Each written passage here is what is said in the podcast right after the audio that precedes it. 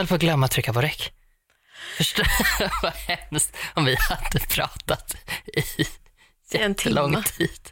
Och så hade jag inte tryckt på räck. Då hade jag hatat mig Har du själv. tryckt på räck nu? Jag har tryckt på räck. Bra.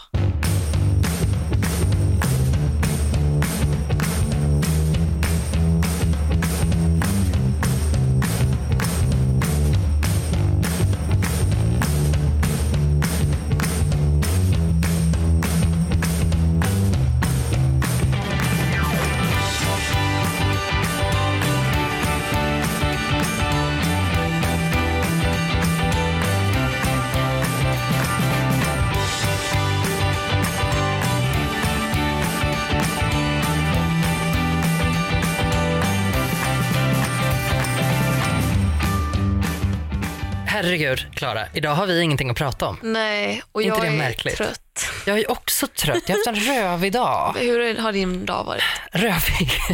Tackar som frågar. Eh, nej men den har, varit, eh, den har varit jobbig. Jag var och hälsade på lilla bebisen på sjukhuset och det var Emilia. skitjobbigt. Emilia. Ja, Hur är läget? jättedåligt. Och så när jag var där så rullade de in henne på operation.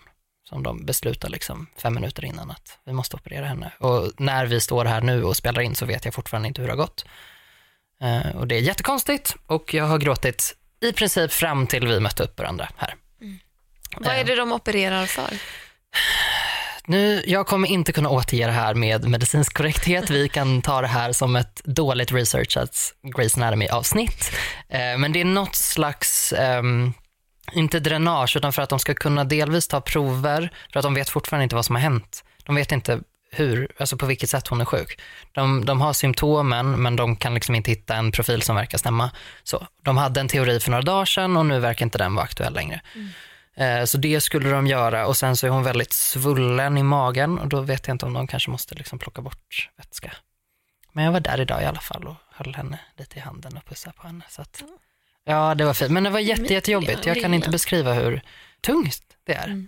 Det är jättemärkligt. Jag har liksom, jag vet inte om jag är, jag har haft svårt, jag har haft väldigt svårt att ha empati för sådana här situationer tidigare och nu känner jag bara att det här, alltså jag, jag är glad att jag inte till exempel jobbar nu för att jag skulle nog inte orka jobba för att jag, de här dagarna, det är inte varje dag det känns så här. Nu har jag varit ganska lugnt i någon vecka liksom och så har man känt att, ja men det kanske tar sig.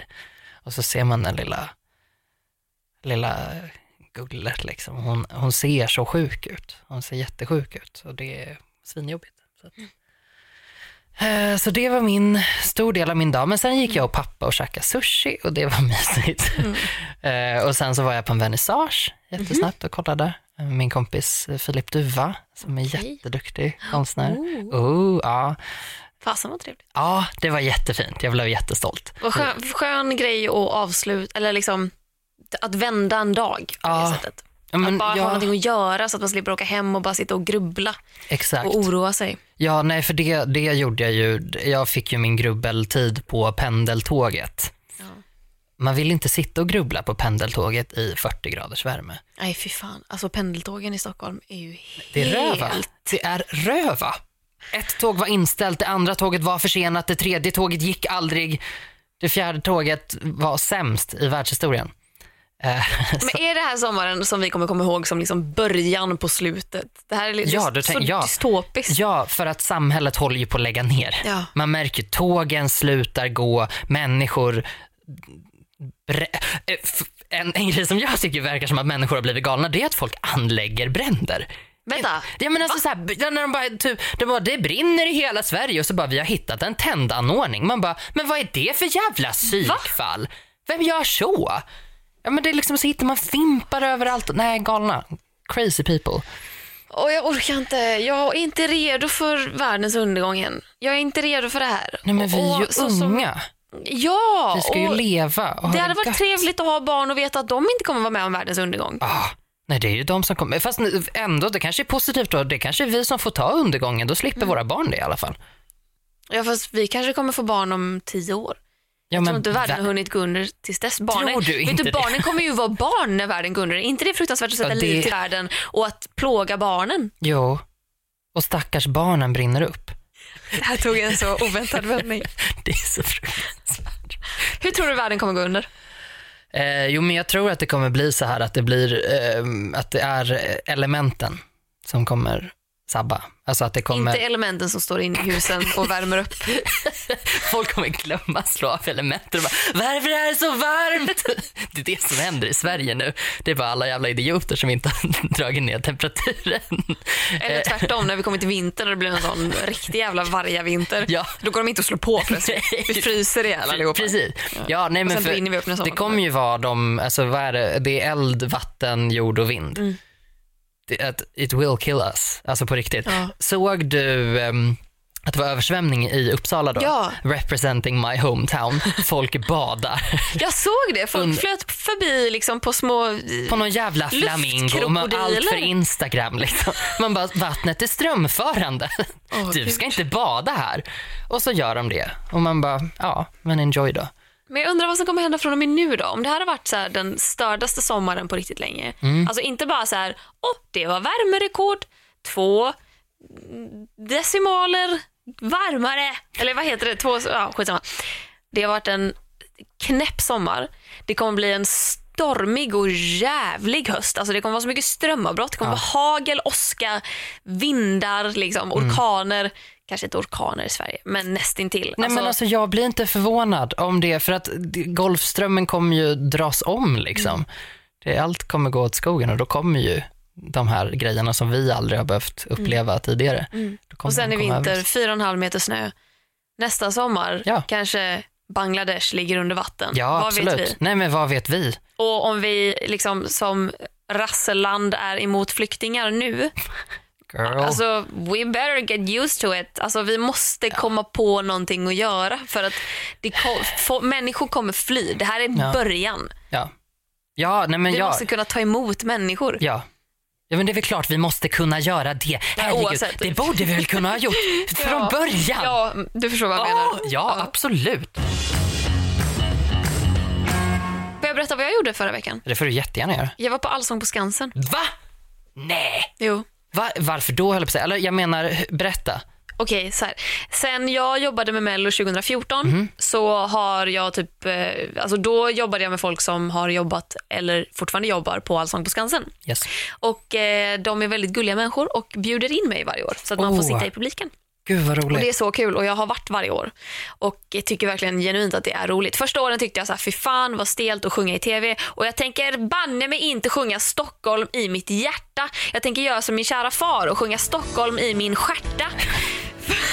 För att jag kan inte komma från västkusten och sitta där och skråla med i Stockholm i mitt hjärta, för det går inte.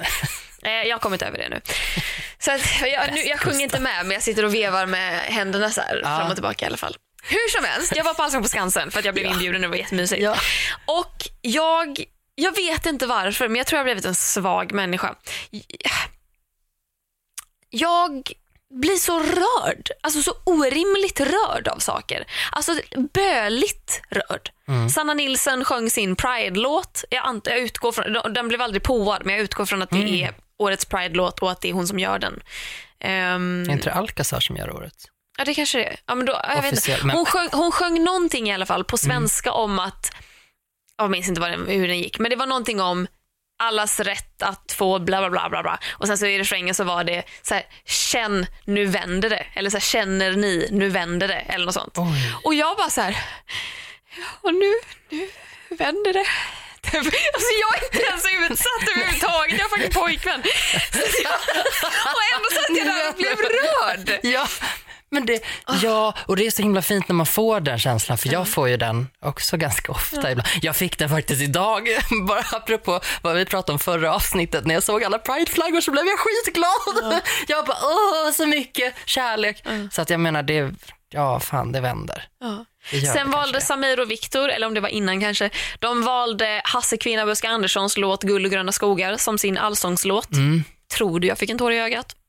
Fick du det? Ja. Varf, eller varför då? För att sista meningen är ge, eh, är det ge mig sommar, ge mig guld och gröna skogar och jag bara insåg att vi har sommar.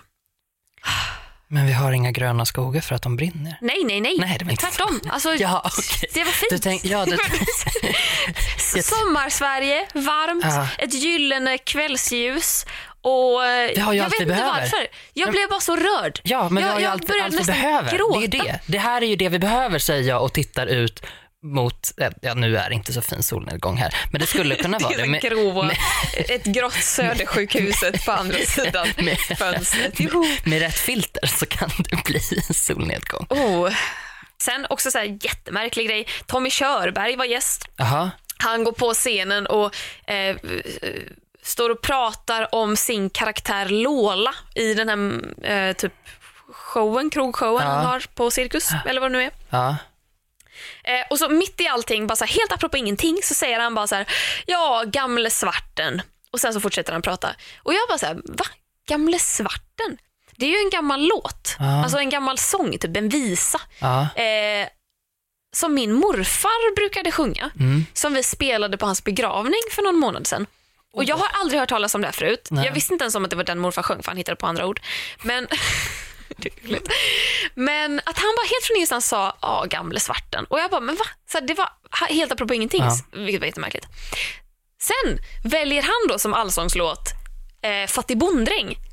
Vilket är i morfars dödsruna i tidningen så citerade vi sista versen i Fattig Klara, nu bonddräng. kommer jag börja gråta. Nej, det är ja, men alltså- jättefint. Varför? Och, så, och jag sitter där och bara, vänta lite nu.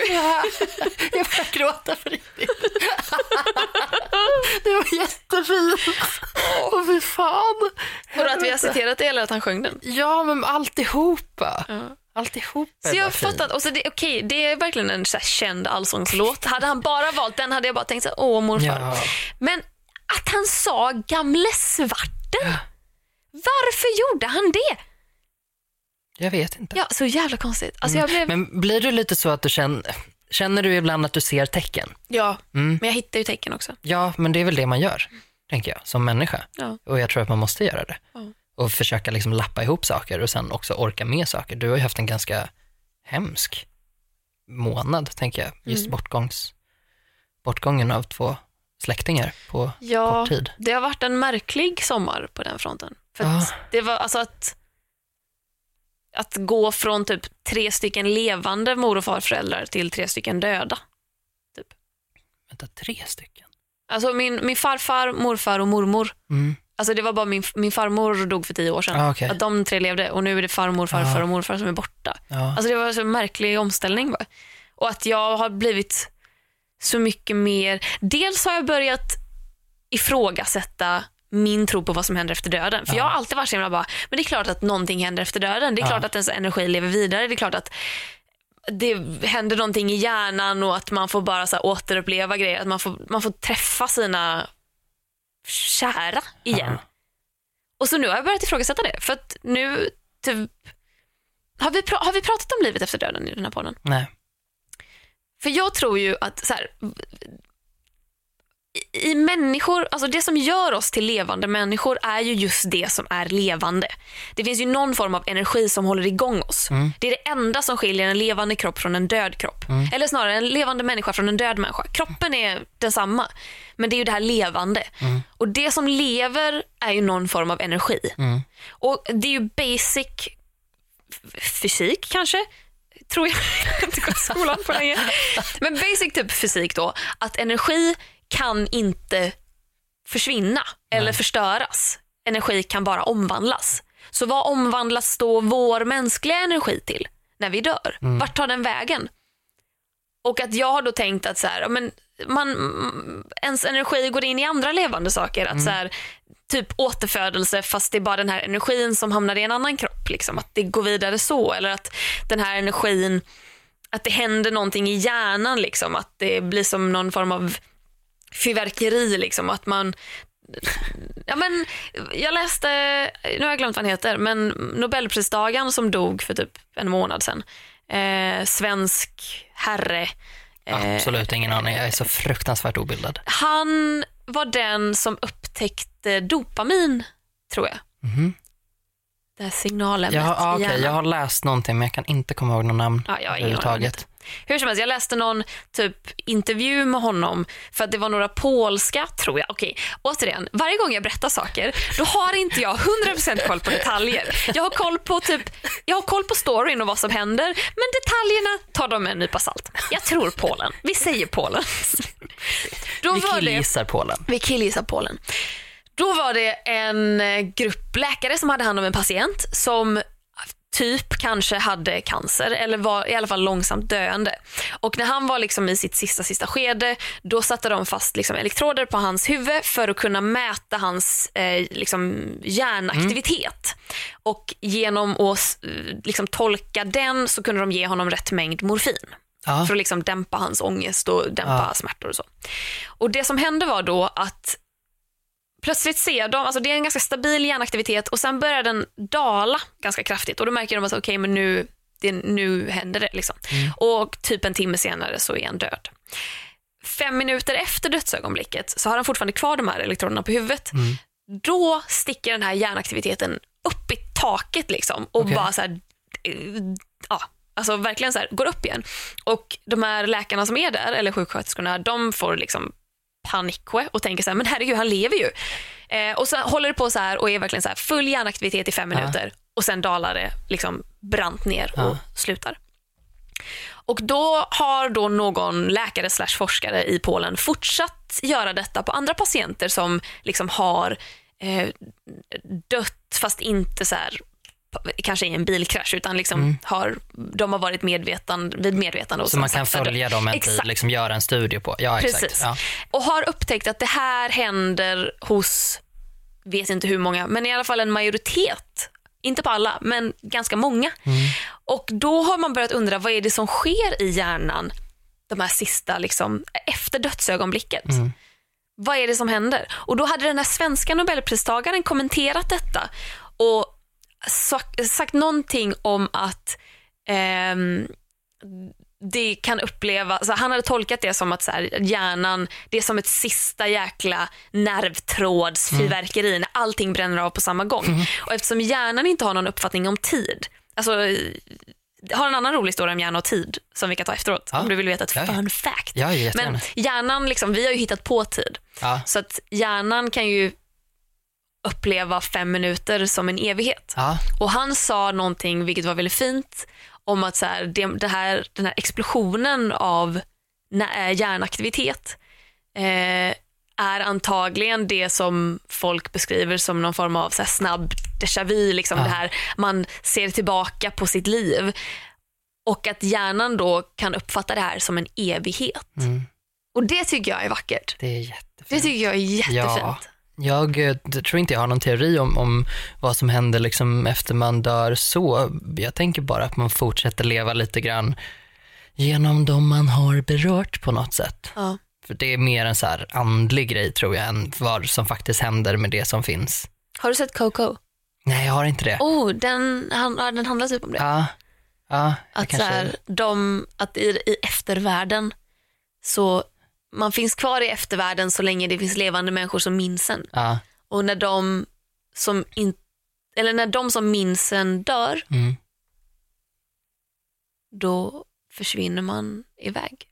För Mm. alltid. Då finns man inte Då längre. finns man inte längre. Nej. Är du rädd för att dö? Gud vad svårt att svara på eftersom jag inte är döende. Mm, spontant nej. Men jag är livrädd för att andra omkring mig ska dö. Mm. Jag har ju gått från att vara ganska rädd för att dö till att tänka att det, skulle jag dö så är det ingen fara.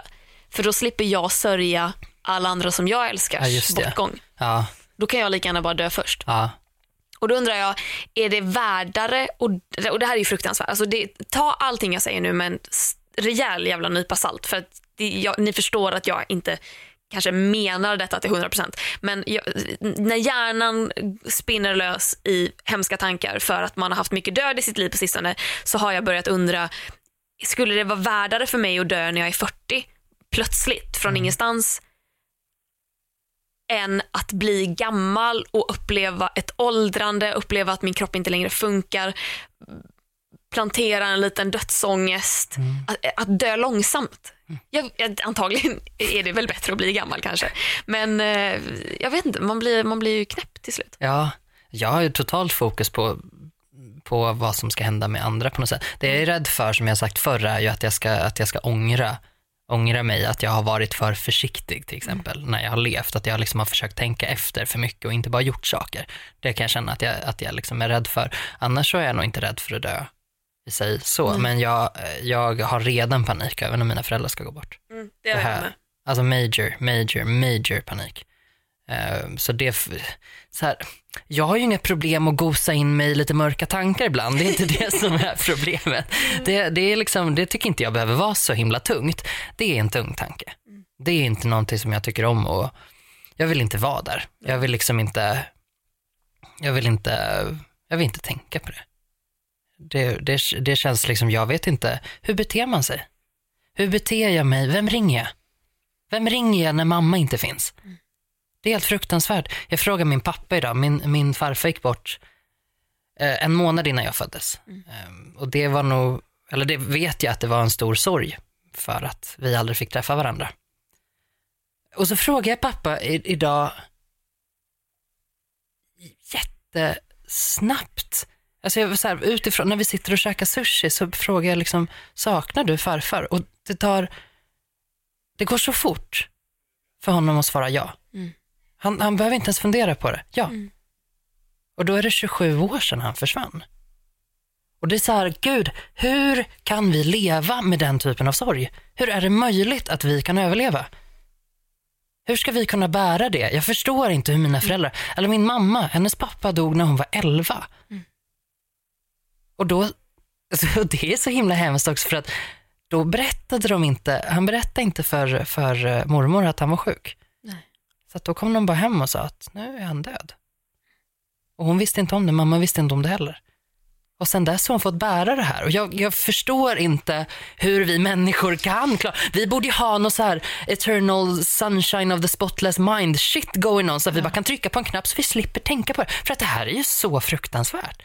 Jag, jag tror att jag blivit så himla medveten om vad gamla människor måste ha gått igenom i sina liv. För att du vet när man är barn och man är så van vid att jag är barn och vuxna människor är vuxna människor och gamla människor är gamla människor. Och det har alltid varit så. Ja, Att man, man, man har så svårt att greppa att mormor har haft ett liv. Att mormor har varit lika gammal som jag har varit. Ja. Alltså det, det går inte att Ja. fatta. Nej. Och att vuxna människor är liksom bara utgör majoriteten av jordens befolkning och att de är vuxna. Mm. Och Jag tror att jag först nu, liksom, när jag är typ 24, har börjat inse vad ett liv är. Alltså ett långt liv. Mm. Och att den här sorgen jag har upplevt nu när både morfar och farfar har försvunnit på så kort tid. Jag börjar ju förstå att så herregud, min morfar har varit med om sina morföräldrars död. Och sen sina föräldrars död. Och sen sin brors död. Och sen vänners död. Och, och herregud vad mycket död man ska gå igenom. Och att, det inte bara, att vi inte bara funtade på något sånt sätt att, att man bara tack för livet som var och nu går vi vidare. Utan att det är en sån jävla sorg. Ja. Att det är så svårt att ta sig igenom. Att det är någonting som tynger en och är med en hela tiden. Jag man- man orkar kommer- inte det här. Nej, man hur, ska, kommer- hur ska man klara sig? Hur fan ska vi klara oss igenom det För här? det som är grejen är också, man kommer ju inte över det. Man lär sig leva med det. Men jag tror inte någon kan komma över att ens förälder går bort. Det är helt omöjligt. I vilken liksom, och jag tror också så här, när man är vuxen, för jag märker att ju, ju vuxnare jag blir, desto större krav ställer jag på mig själv att jag ska hantera saker. Jag ska bara liksom ta mig igenom saker, jag ska inte tycka att saker är så himla jobbigt. Förstår du då som förälder och bli av med sin förälder? Och hela den kommunikationen med barnet och försöka förklara, för jag tror folk kanske då tänker att de måste vara jättestarka på något sätt. Och att det bara blir så himla... Äh, jag har, det, det, det är liksom några tillfällen som jag har sett mina föräldrar riktigt, riktigt ledsna och det är när deras föräldrar försvann. Det skrämmer mig något så kopiöst, den här tanken på att så här, man ska gå igenom så många dödsfall Mm. innan man själv till slut... Innan man Dör. själv till slut dör också. Man bara, så vad är meningen med livet? Ja, vad är meningen med livet? För jag har alltid sagt att det är meningslösheten, men Mm. det får mig ju fan inte på bättre humör. Nej det gör det verkligen inte. För då är det så här, ja vad fan ska vi hålla på för då? Då kan vi väl, nej, ja, nej men jag, jag har någon tanke om att meningen med livet eh, eh, handlar om att leva ärligt. Men det är också för att jag är en, lever i en, en situation där, där jag kan ha det som mening. Det kan inte jag säga för någon annan om jag säger gud jag måste vara ärlig i vad jag väljer att göra en helg. Mm. Är jag ärlig mot mig själv? Ska jag gå ut på krogen eller ska jag vara hemma? Mm, om jag bara lever ärligt.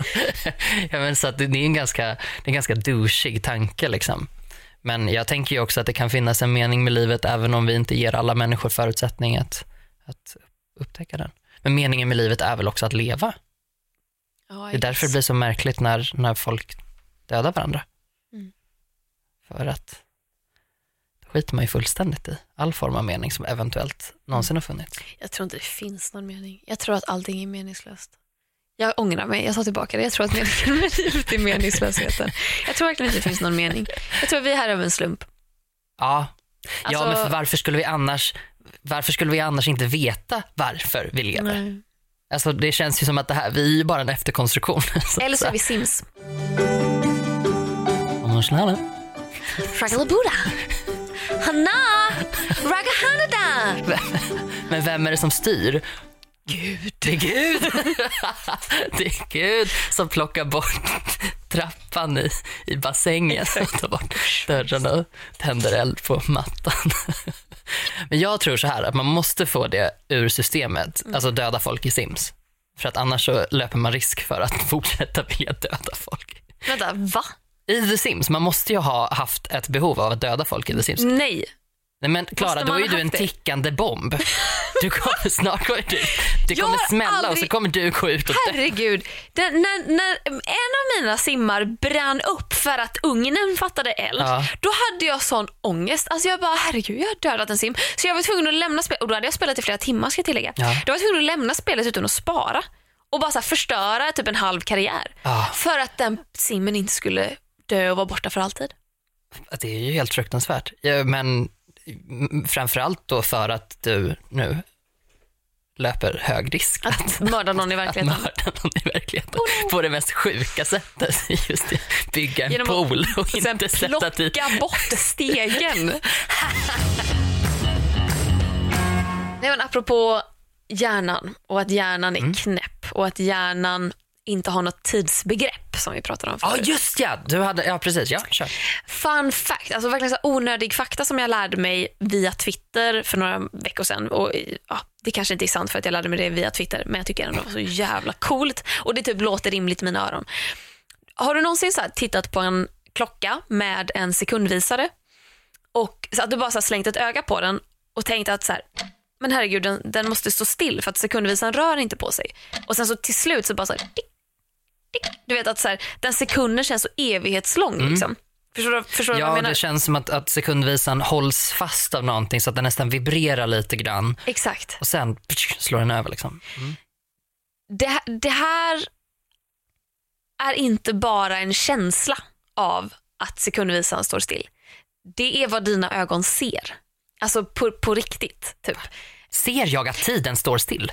Du, det, eh, nej, eh, koppla bort tid. Och, koppla bara, förlåt. det här är bara vad du ser. Det du ser är längre än en sekund. Alltså det du ser att sekundvisaren gör är längre än en sekund. Eh, sen, eh, okej. Nu blir det här spännande för att när jag har förklarat detta för typ min syrra så har jag verkligen kunnat visa mina händer för att det är svårt att sätta ord på det här. Men bear with me, jag hoppas att ni kommer förstå. Vill du att jag ska beskriva dina händer? Kanske. Nu är jag Ja, klar. kanske. Ja, Okej. Om det underlättar. Men då är det så här. Våra ögon rör ju sig hela tiden, människans ögon. Att den liksom så här, vi, vi ser så mycket hela tiden och när man flyttar blicken och ser ett rum, typ så här, vägg, fönster, vi har en högtalare i taket, en mikrofon där, lurar där. Liksom. När ögonen rör sig runt så vi ser ju aldrig att ögonen rör sig, såvida vi inte rör ögonen väldigt långsamt. Utan vi ser vägg, fönster, tak, golv. Liksom. Förstår du vad jag menar? När, när man bara rör blicken. Ja.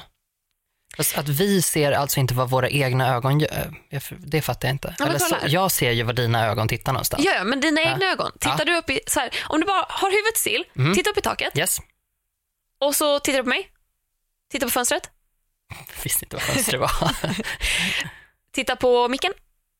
Så det som händer inemellan, du, du, du ser ju inte när dina ögon förflyttas från fönstret till micken. Du ser Aha, inte det som händer nej, däremellan. Nej, nej, nej, för att det går så fort. Ja, Exakt. exakt. Ja, ja. Och det går väldigt fort. Ja. Men grejen är också att våra hjärnor kan inte processa det här för att det går för fort. Så vi är ganska dåliga rovdjur på den fronten. Eh, men hade vi sett allting som hände inemellan, då hade typ halva vårt seende varit bara ett enda blur för att det hade varit så mycket snabba förflyttningar. Ja. Alltså, ja. Så grejen är så här, när du tittar på först fönstret och sen micken, det som hjärnan... Okej, gud, det här är så svårt att förklara. Det som händer är att du ser fönster, sudd, mick. Mhm. Men det hjärnan gör för att få bort suddet, det är att ta bilden på micken och säga till dig att du har sett detta ända sedan du förflyttade blicken från fönstret. Mhm. Så i, alltså typ i tv-spel, om man typ rör en karaktär fram och tillbaka, om man flyttar blicken inom citationstecken från en punkt till en annan. Tv-spel löser det genom att låta bilden på det som var först vara kvar lite, lite längre tills man vet vad nästa bild är. Ja. Hjärnan funkar precis tvärtom, för hjärnan är fucked up. Hjärnan Ja. har liksom ingen tidsbegrepp. Så hjärnan kan säga, först ser jag fönstret, nu ser jag micken och jag liksom lägger in bilden på micken bakåt i tiden för att fylla ut det här blurret som var mellan fönstret och Ja. micken. Förstår du vad jag menar? Ja, jag fattar. Ja, ja, ja, men så, ja, så att blurret finns inte för att, eh, för att micken har överlappat det liksom. Ja, men Ja. inte bara överlappat, utan man, hjärnan visar det bakåt i tiden. Det, är Förstår du vad jag menar med det? Alltså bakåt i tiden, det har jag jättesvårt att förstå. För så här, bakåt Det är svårt att förstå, men det är så det funkar. För, kolla, nu kan du få beskriva mina händer. Ja. Här har vi en timeline. Klara visar upp ungefär en halv meter mellan sina handflator. Precis. Eh, den vänstra handflatan Yes. är fönstret som du tittar på. Ja. Den högra handflatan är mikrofonen. Ja. Och Det här är en timeline. Det här är alltså inte objekten, utan det är en timeline. Det här är tid. Yes. Och mellanrummet mellan mina händer är en milli, milli, millisekund. Det är så kort tid. Det är den tiden det tar för dig att fly- förflytta blicken från fönster till micken. Så det som händer är att du ser fönstret Yes. på min vänstra hand. Vänster hand. Yes. Jag tänkte Sen- att det var högerhanden. Förlåt, jag står Ja, åt just andra det. hållet. Japp. Nej, Sen förflyttar du blicken och då, så här, hade du sett det som du ser på riktigt, då hade du sett ett blur här emellan Ja. innan du ser micken. Yes. Men eftersom blurret är för jobbigt och hjärnan kan inte processa det, Nej. så tar hjärnan bilden på mikrofonen Mm. och säger till din hjärna att du såg den hela tiden. Ja.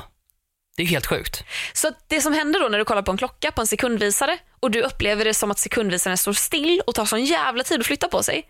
Det är för att när du förflyttade blicken till klockan då tar hjärnan den bilden och fyller ut bak i tiden. Nej.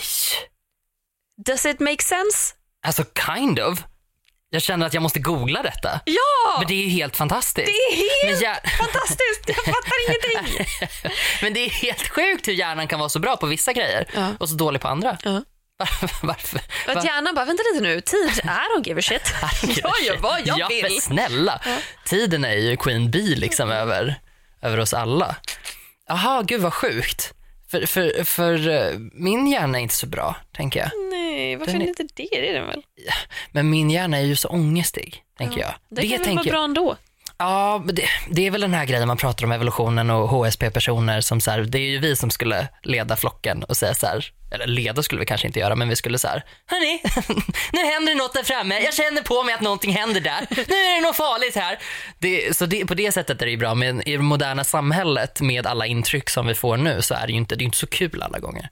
Och ha liksom massa ångest för att man har liksom den här reptilhjärnan som säger åt en bara det är livsfara. Och man så här, Nej herregud, det är ett rum fullt med folk, du kommer inte dö. Så går man in och bara livsfara, livsfara. Börja skaka, må dåligt. Fy. Ja, ja det är rövigt. Men jag undrar hur många människor världen över som har liksom samma typ av hjärna som du har. För ni måste vara så många. Ja, Så det måste ju vara en högst normal hjärna även om den fungerar på ett jo visst sätt. så är det nog. Så är det nog, det tror jag. Alltså det, det, är, ju, det är ju väldigt normalt. Alltså ångest i- är väldigt normalt. Och jag tror att man... man Ja, jag menar inte bara normalt, alltså det är klart det är normalt, men att det är vanligt. Ja, att vanligt det verkligen också. Är, mm. ja. Jo, men det tror jag. Jag tror inte att vi, vi är nog en ganska, vi är inte nära en majoritet där på något sätt. Det tror jag inte.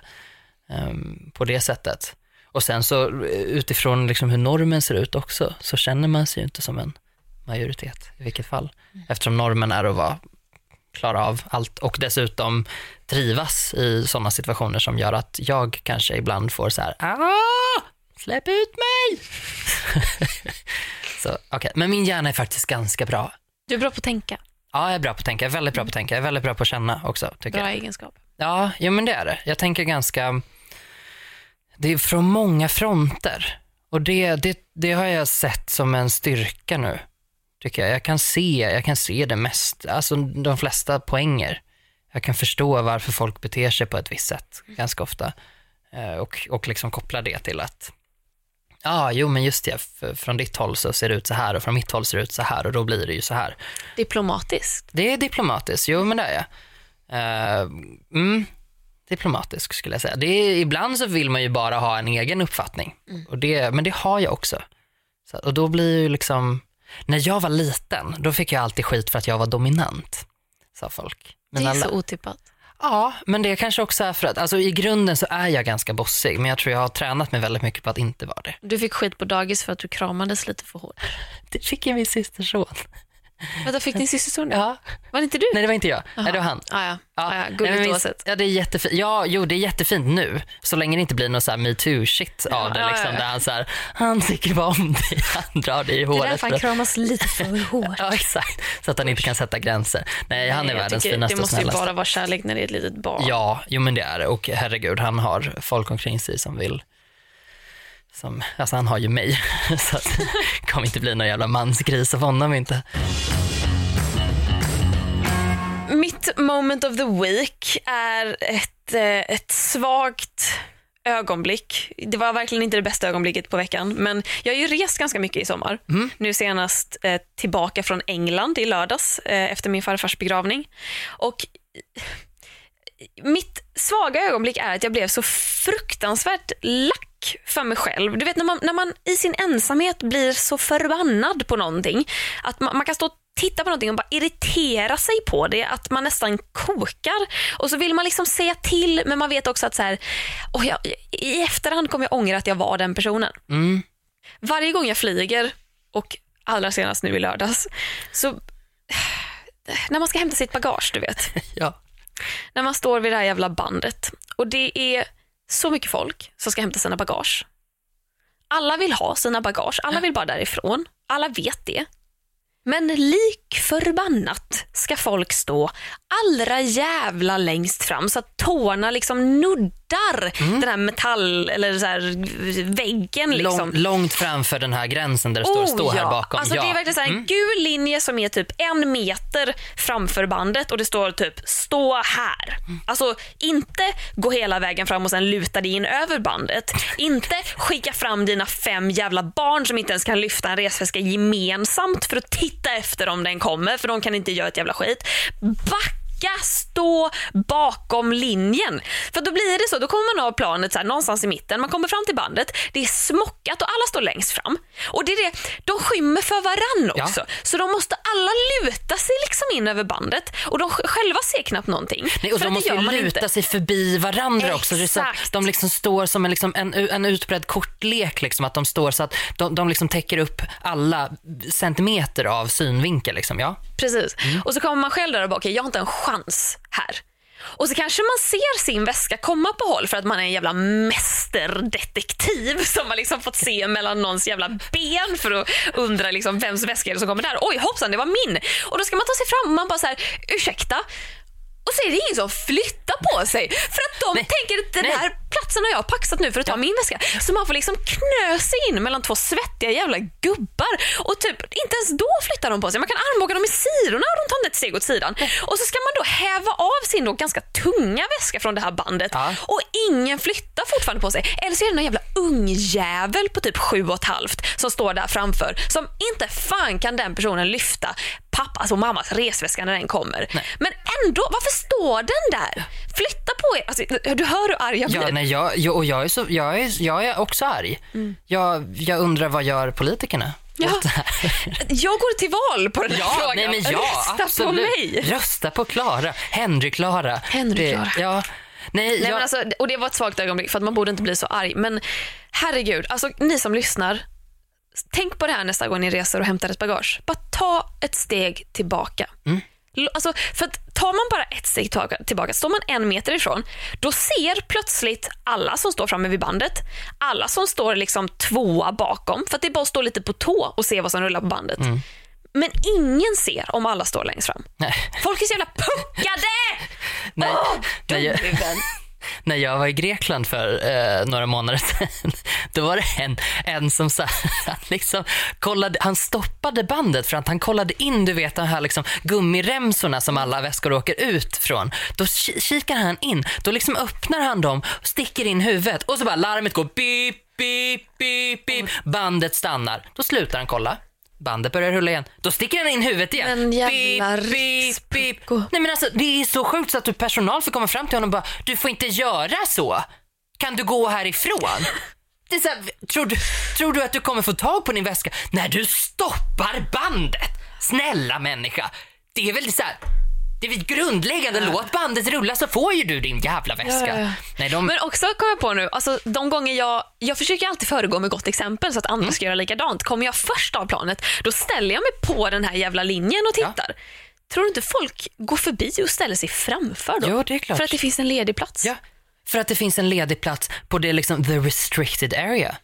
Dumhuvuden! Dumhuvud. Alltså, jag är ledsen, men alltså, träffar jag, ni som lyssnar, om, jag, om ni någonsin åker samma flyg som mig, jag kommer inte ha någon respekt för er. Alltså, jag kommer tycka ni är så jävla korkade och elaka och dryga och respektlösa mot era medpassagerare. Ta ett kliv tillbaka. ja, Och det var mitt moment of the week. ja, Har backa, du- har backa du något? Klara. Nej, backa från bandet. Backa bandet. Eh, jag har ett bra moment of the week faktiskt. Oh. F- och eh, det började som ett väldigt svagt ögonblick eh, när jag so man sover ju inte så bra i värmen. Nej. Jag vet inte om samma sak gäller dig kanske. Man ligger där liksom och så kanske man somnar framåt tretiden när det har blivit tillräckligt svalt för att sova men man fortfarande ligger i en tropisk, liksom, det är fortfarande tropisk hetta men det är i alla fall tillräckligt svalt, äh, svalt för att sova. Ehm, så ehm, jag vaknade klockan sex kanske någon morgon och du vet när man, man är groggy, man vaknar inte till 100% utan man bara vaknar av ett ljud till exempel. Men det är inte tillräckligt för att väcka en 100%. Eh, så jag hör någon ute i trapphuset. Jag hör ehm, någon liksom rycka i dörren. Alltså inte, min, di- inte i min dörr. Nej, då hade jag freakat. Herregud. Nej, det Du är ju... lät så lugn när du sa det. Jag bara, jag förstår inte. Nej, nej, nej, utan jag hör någon liksom som rycker på dörren till någon granne så ropar liksom ett namn in i brevinkastet. Och det här fortsätter. Eh, och jag så här vänder mig, sover vidare oroligt. När klockan kanske blir åtta så känner jag att förlåt, men nu, nu får det faktiskt vara nog för att nu är klockan åtta på morgonen och jag har liksom legat och vridit mig. Och jag blir ganska arg. Jag blir ändå så här, man flyger ur sängen och slänger täcket åt sidan och drar på sig allt man kan hitta liksom. Eh, Men jag tänker också att nej, men jag kan inte gå ut och vara hur otrevlig som helst liksom.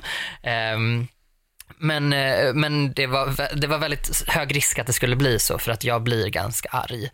Um, men jag bestämmer mig i alla fall för att liksom kika ut i trapphuset och bara ser en människa stå där ute. Uh, och så tänker jag att jag, kan, jag får inte säga så här, håll käften! uh, utan jag ska fråga, behöver du hjälp? uh, och då sa hon, ja, det behöver jag. Personen som skulle öppna dörren svarar inte. Jag kan liksom inte ta mig in. Gustavs hjärna går asfort och tänker, okej, vill du komma in? Så då bjuder jag in den här människan hem till mig och, och bjuder på kaffe. Och så sitter vi och pratar i två timmar. Skojar du? Klockan sex på morgonen? Ja, eller klockan åtta var det då. Klockan åtta. Så då sitter vi och pratar i två timmar om liksom livet från den här enorma ilskan. Fråga. Mm. Är du kär? Nej, det är jag inte. Okej, fan. Det varit så fint om det var det. Det var, det var en Nu är ni ihop och det, två det barn. var, skulle kunna vara. Det var, det var en medelålders kvinna. Eh, det är inte min typ. Nej. Jag var tydlig med det. Nej, så då satt vi bara och pratade i, i två timmar om, om liksom livet. Väldigt mycket högt och lågt eh, och drack kaffe. Men wow! Och då hade, ja det var ganska fint. Jag blev glad. Det är inspirational som helvete. Det var lite inspirational va? Eh, ja. mycket inspirational. ja, men var, jag, jag blev glad att jag inte så valde att bara käften, dra åt helvete. Utan hej, vill du ha kaffe? Det tyckte jag var en lite Mm. Det är jättefint. härligare. Det är jättefint. Är det så? Det Jag kanske var ett fint move. Jag tänkte mer att det var Alltså det var ju kul för mig på något sätt. Ja. Kom hon in till grannen till slut? Ja, det gjorde hon. Sov personen? Ja, Ja. så Vad gjorde hon där liksom- klockan sex på morgonen? eh, hade varit ute. Och Ah. för alla som har varit ute någon gång i sina liv och, och eh, inte fått komma in, jag förstår paniken. Alltså det är inte så jävla roligt när man Mm. Nej. står där och bara släpp in mig!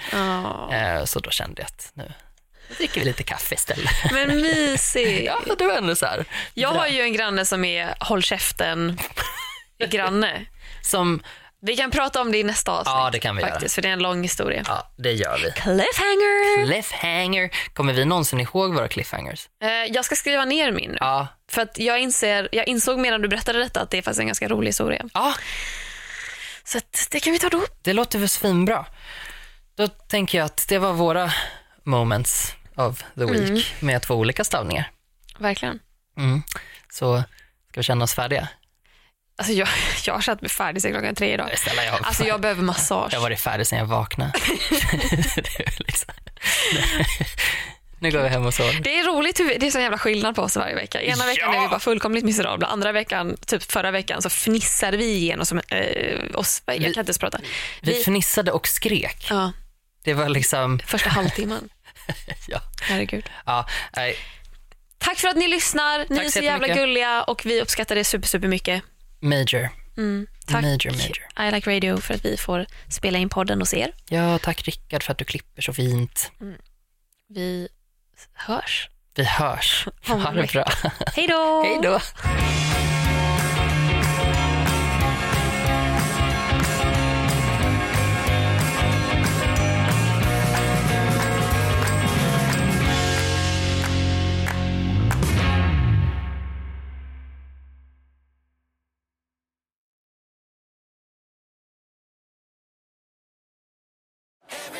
Nu startar fotbollsfesten på Circle K. Testa våra nya French hotdogs och dressingar med smak av hela fotbolls-Europa. Italiensk parmesan, nederländsk ostdressing och engelsk sour cream and bacon. Just nu köper du en för 35, två för 59 eller fyra för 99. Vilken är din vinnare? Vi ses på Circle K i sommar.